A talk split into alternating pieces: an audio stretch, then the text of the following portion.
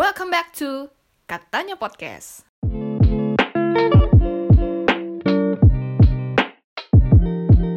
Selamat malam untuk semua pendengar katanya podcast. Terima kasih udah sampai detik ini yang dengerin katanya podcast walaupun aku nggak tahu siapa aja.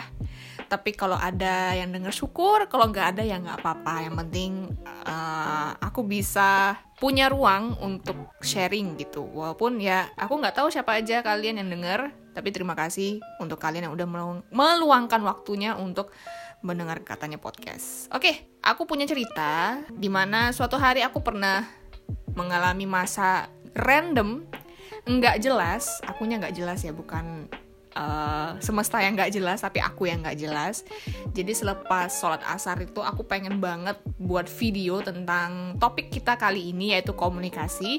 Apa sih judulnya? Uh, komunikasi ambiar hubungan kelar. Jadi sebenarnya judul ini unik sih menurut aku ya. Kayak ini judul-judul warkop DKI masa terus uh, aku pengen buat video jadi uh, selepas sholat asar aku males buka mukena biar nyambung maghrib juga. Jadi ya udah aku buat video dan ngobrolin soal komunikasi ini. Komunikasi ini menurut aku sebenarnya udah banyak banget yang bahas cuma uh, ini adalah pengalaman pribadi aku mengenai komunikasi tersebut. Dan ini mungkin udah sering banget ya di podcast podcast ini. Uh, apa ya podcast lainnya udah ngebahas ini cuma aku pengen bahas uh, pengalaman pribadi juga dan mungkin aku ngerasa nggak sendiri. Dan take uh, apa namanya uh, tema tentang komunikasi itu sebenarnya aku buat dalam bentuk video. Dan ya karena aku lagi percaya diri buat video ya udah aku buat video ngebahas komunikasi itu dalam bentuk video. Tetapi ada beberapa kendala yang di mana niatku ini untuk uh, nge-upload video ini dalam IGTV uh, Instagram pribadi aku dan kendala ini emang bener-bener bikin aku apa ya kayaknya ya udahlah, duh gimana lagi gitu. Karena formatnya yang besar, ukurannya 600 MB, sedangkan laptop aku Windows dan ada beberapa step yang harus aku tempuh untuk nge-transfer data dari iPhone ke Windows. Ribet kalau bukan punya MacBook kan. Jadinya ya ada step by step yang harus ku tempuh dan itu ribet dan aku nggak suka ribet. Jadinya ya udah. Ya udah, videonya ini dalam bentuk suara aja dan aku bakal uh, apa ya sharing komunikasiin dalam bentuk podcast aja nggak apa-apa ya padahal aku di situ lagi cakep banget serius nggak apa-apa narsis ya uh, dalam keadaan cakep karena rambut lagi dikeramas jadi daripada aku take video dalam rambut keadaan basah dan berantakan jadi aku pakai mukena. Dan aku terlihat bersinar bersinar banget di situ tapi ya udahlah. Aku simpan sendiri aja video itu dan ya udah. Mungkin episode kali ini bisa uh, membuat kalian yang berada di posisi yang sama seperti aku bisa menemukan titik terang. Dan selamat mendengarkan untuk kalian-kalian yang mendengarkan episode komunikasi ambiar hubungan kelar.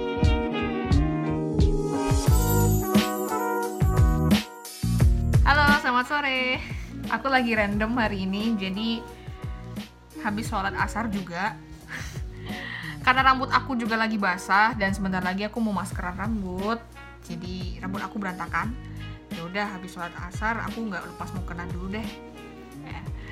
Jadi aku pengen cerita sih sebenarnya dan mungkin ini juga kalian rasain. Ada beberapa uh, pertanyaan yang aku dapatkan di Quora mengenai uh, komunikasi jadi komunikasi ini bukan hanya sekedar telepon seluler, tetapi komunikasi ini adalah salah satu hal yang penting menurut aku ketika kita menjalin hubungan dengan seseorang. Hubungan dengan seseorang ini bukan hanya terhadap pasangan tetapi dengan pertemanan juga, dengan keluarga juga. Jadi ya kita berbicara dalam lingkup luas aja ya. Dan mungkin juga kalian pernah ngerasain uh, posisi di mana kalian pernah dulunya akrab banget sama temen, akrab banget sama keluarga ini, akrab sama saudara ini, terus habis itu akrab dengan uh, seseorang lah pokoknya. Tetapi tiba-tiba komunikasi itu terputus gitu. Dan yang merasakan dampaknya itu adalah kalian sendiri. Jadi yang ngerasa dampak kehilangannya itu kalian sendiri. Tanpa mengetahui apakah uh, pihak dari sananya juga pihak dari teman kita tuh juga ngerasain uh, kehilangan atau semacam uh, putusnya komunikasi ini. Kita kan nggak tahu ya, tetapi uh, kalau dari pribadi aku, aku ngerasa aku sendiri ngerasain dampak yang cukup menyakitkan, tetapi sebenarnya ini sudah dialami sama aku berkali-kali cuma masih tetap ngerasa uh, belum biasa gitu jadi uh, mudah-mudahan aku tidak sendiri dan kalian juga pernah ngerasain gimana rasanya uh, apa ya kayak putus komunikasi dengan orang yang pernah akrab dengan kita dalam artian ini tidak hanya dari pasangan kita dari teman, saudara mungkin juga atau sama keluarga gitu. Kalau menurut aku pribadi, hubungan yang baik itu tercipta karena komunikasi yang baik. Jadi kalau hubungannya tidak baik, berarti komunikasinya nggak baik. Jadi harus diperbaiki komunikasi tersebut. Aku jujur dari SMA udah pernah ngerasain ya namanya apa ya komunikasi hubungannya nggak baik gitu terus habis itu ya aku tidak tahu apakah pihak teman aku ini ada niat untuk memperbaiki komunikasi atau tidak gitu tapi ketika satu kesalahan ini dalam artian dia tidak berkomunikasi dengan baik bersama aku aku masih maafin. Kesalahan kedua tapi kesalahan yang sama aku masih maafin. Tapi kalau udah ngulangin kesalahan yang ketiga kalinya aku langsung hilang respect. Jadi ya mau maafin gimana ya aku nggak bisa disamain sama kayak Tuhan. Ya Tuhan tuh maaf maaf. Tapi kalau aku ya aku udah kadung malas gitu udah hilang respect gitu. Ngerti nggak sih? Gitu loh. Aku bukannya marah atau gimana aku udah hilang respect gitu sama orang tersebut gitu. Terus uh, ketika aku mencoba untuk memperbaiki komunikasi itu ya mungkin aku juga menaruh ekspektasi. Di mana ekspektasi ini um, apa ya sekecil apa pun ekspektasi yang aku taruh itu pasti sedikit kecewa juga gitu. Karena aku berharap komunikasi yang yang aku coba perbaiki ini adalah uh, apa ya dengan harapan bisa kembali lagi berkomunikasi dengan baik punya hubungannya baik. Dan aku sudah melakukan hal tersebut, memperbaiki komunikasi tersebut dengan beberapa orang juga yang masih memiliki hubungan baik dengan aku, tapi ternyata gagal gitu. Gagalnya di sini itu adalah ketika ya seperti yang tadi case yang aku ceritain tadi, ketika aku sudah mencoba untuk memperbaiki komunikasi terus habis itu dari lawan bicara tidak memiliki respon yang bagus, kesalahannya terus di, uh, diulang berkali-kali sehingga aku akhirnya hilang respect mungkin aku masih bisa menyangkal itu dengan kebaikan yang pernah dia lakuin sama aku yang itu membuat aku oh ya udah gitu loh dan oh ya aku maklumi apa yang jadi prioritasnya sekarang gitu tapi lama-kelamaan kesel juga, apakah memang pribadi aku seperti itu? Apakah memang dari kalian juga pernah ngerasain hal seperti itu kayak hilang respect gitu loh, kayak ya udah gitu karena dari lawan bicaranya aja sudah nggak ada niat untuk memperbaiki komunikasi. Ya buat apa? Aku capek-capek sakit hati, capek-capek kecewa, capek-capek mencoba uh, kayak trial and error lagi gitu. Karena uh, apa ya jawabannya itu udah jelas banget gitu nggak bisa gitu loh istilahnya memang pertemanan itu menurut aku ada waktunya juga kayak ada masa expirednya gitulah tidak bisa selamanya akrab saya ngerti bahwa selamanya hubungan itu tidak selamanya berjalan mulus tidak hanya hubungan kita sama pasangan tetapi hubungan pertemanan dan keluarga, saudara juga tidak selamanya mulus kan. Tetapi ya kalau memang kita sama-sama niat untuk memperbaiki hubungan dan komunikasi tersebut, pasti kita akan cari jalan keluarnya, jalan tengahnya seperti apa biar sama-sama enak. tapi kalau misalkan kita sudah cari cara sudah cari jalan tengah tapi nggak dapat juga nggak bagus juga hasilnya. Seperti kalimat yang jadi favorit aku adalah ya udahlah mau gimana lagi? gitu aku juga pernah memutuskan untuk tidak memperbaiki komunikasi karena aku juga punya pengalaman yang tidak baik dengan orang ini. Jadi ketika dia bertanya kabar aku aku nggak balas chat itu. Mungkin ini juga seperti timbal balik ketika aku bertanya uh, kabar dengan temanku temanku nggak bales gitu. Mungkin seperti itu. Kalau misalkan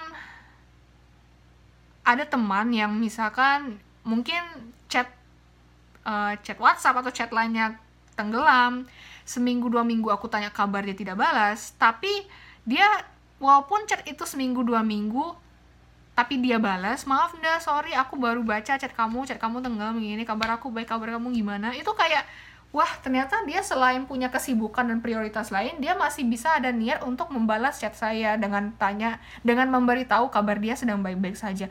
Aku nanya kabar kok aku nggak lagi hutang gitu loh aku nanya kabar gitu loh biar kalau misalkan you are not okay kamu nggak dalam kondisi baik kalau misalkan aku uh, apa ya punya sesuatu yang bisa aku bagi misalkan waktu untuk mendengarkan cerita kamu ya aku sangat bersedia gitu. Biar aku tahu kondisi kamu. Biar aku tahu kalau kamu sedang dalam keadaan baik-baik saja. Kalau misalkan kamu sedang tidak baik-baik saja kan aku bisa dengerin apa yang bisa bikin apa yang bisa uh, aku bantu untuk mengatasi hal yang membuat kamu tidak baik-baik saja itu gitu loh.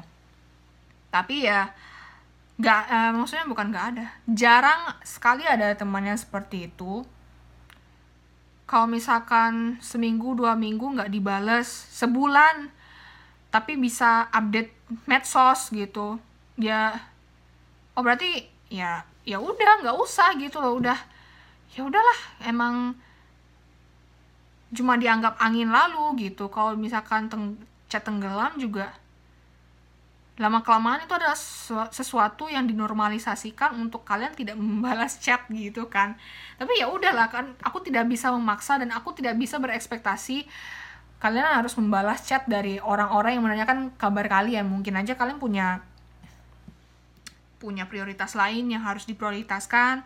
Walaupun memang kita harus apa ya kayak nerima bahwa ini tuh bakal terjadi gitu loh. Kalau misalkan kalian punya kawan yang kalian chat tanya kabarnya seminggu dua minggu masih dibalas juga masih ada itikat baik buat ngebalas pertahanin. Pertahanin komunikasi itu sebaik mungkin. Kalau misalkan seminggu dua minggu nggak dibales ya udah tinggalin aja nggak apa-apa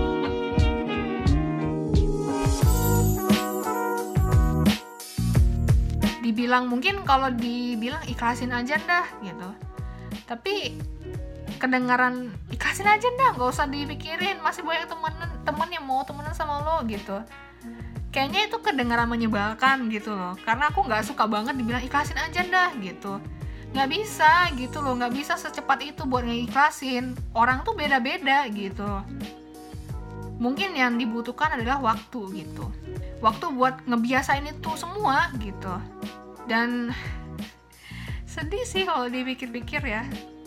Ya aku pernah juga baca di Quora kalau misalkan partner kamu tidak apa ya tidak mer, uh, apa ya aku pernah posting di instastory juga intinya ini kalau partner kamu tidak membutuhkan kamu apakah kamu akan mencari cara biar partner kamu bisa balik lagi ke kamu gitu saya uh, aku baca jawaban dari salah satu korawan kalau misalkan dia senang dengan kehidupannya dia, baik dengan kehidupannya dia tanpa saya, enak dengan kehidupannya tanpa saya, enak dalam hubungan pertemanan tanpa saya.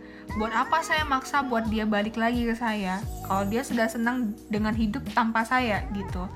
Buat apa gitu loh? Kalau dipaksa juga kalau dia emang mau pergi ya pergi aja gitu. Emang ada masanya dia bakal pergi gitu. Ya walaupun itu menyakitkan ya saya tahu itu menyakitkan banget tapi ya itu adalah sesuatu yang harus kita biasakan dan terima gitu. Penyangkalan tuh pasti ada. Menyangka ah gini pasti dia sibuk. Tapi kan kalau misalkan memang kamu dianggap sebagai teman yang berarti dalam hidupnya sesibuk apa pun tuh pasti dia bakal nanya kabar kamu gitu tanpa diminta. Saya juga kalau misalkan sibuk saya bakal tanya kabar ke teman dekat saya kamu kabarnya gimana? Are you okay? Are you in good condition? Saya akan tanya kabar ke teman saya.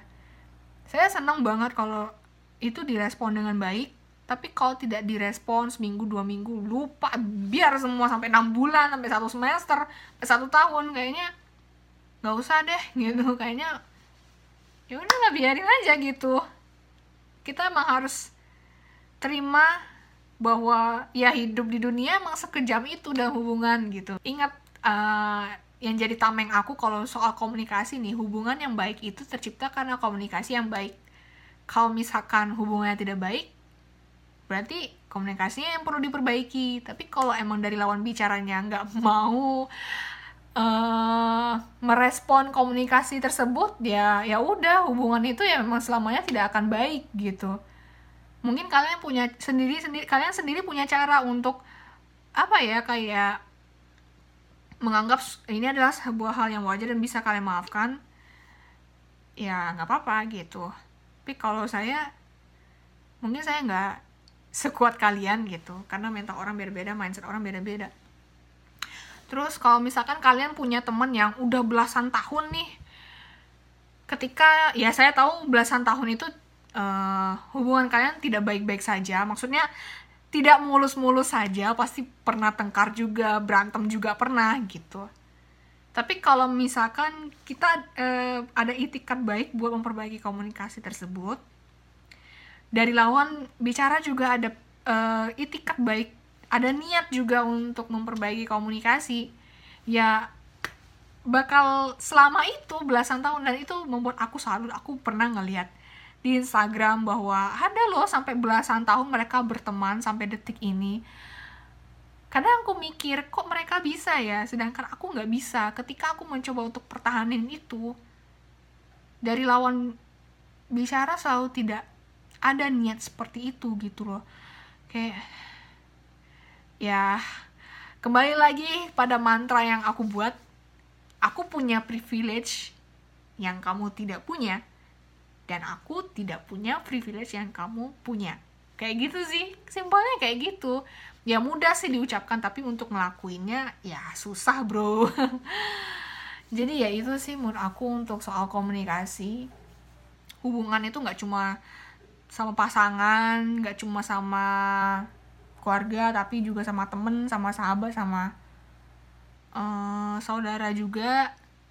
Kalau emang dari kitanya udah niat untuk baik nih memperbaiki komunikasi tapi dari lawan bicaranya nggak ada niat sama sekali ya udah. Biasa uh, kita hanya perlu waktu untuk membiasakan itu saja gitu. Jadi mudah-mudahan aku nggak sendiri untuk ngerasain ini dan namanya juga hidup ya. Kadang aku ngerasa semakin hari semakin banyak pelajaran hidup yang aku dapetin tidak hanya dari segi pekerjaan tetapi dari segi pertemanan dari segi hubungan keluarga juga banyak banget. Dan hidup itu terus berjalan. Nggak peduli kamu nggak peduli gue dalam kondisi apa tapi ya hidup terus berjalan dan banyak pelajaran yang harus saya cerna. Gak boleh dicerna mentah-mentah. Karena saya juga punya prioritas yang harus diprioritaskan yang harus saya kejar juga. Mengejar sesuatu yang kita inginkan tuh boleh aja tetapi jangan lupa untuk istirahat. Jangan lupa untuk istirahat dan kalau sampai lupain itu keterlaluan menurut aku tapi ya udahlah aku nggak bisa mengubah persepsi orang nggak bisa mengubah mindset orang. Ketika uh, dia memprioritaskan impiannya dan dia senang memprioritaskan itu tanpa saya ya buat apa? Saya maksa buat dia balik ke saya. Kalau emang itu membuat dia nyaman ya gitu aja sih. Jadi sekian dulu video untuk sore kali ini. Nggak tahu uploadnya kapan mungkin hari ini besok atau nanti lagu dong. Mungkin hari ini eh, gimana sih lagunya? Nggak tahu dah aku jarang denger lagu Indonesia saat ini. Terima kasih untuk semuanya. Mudah-mudahan ada pesan yang bisa kalian dapetin dari video ini. Nggak tahu ya mungkin next aku bakal buat video ini eh, video yang serupa atau bagaimana aku juga nggak tahu. Karena ini bener-bener langsung tanpa skrip sama sekali tanpa briefing sama sekali. Briefing? Siapa yang mau briefing gue tanpa persiapan sama sekali jadi ini murni langsung buat video ini jadi mungkin next time aku nggak pakai mukena karena mungkin habis sholat asar dapat ilham gitu eh adik gue dong Ya udah, sampai jumpa di video selanjutnya. Tetap bahagia ya.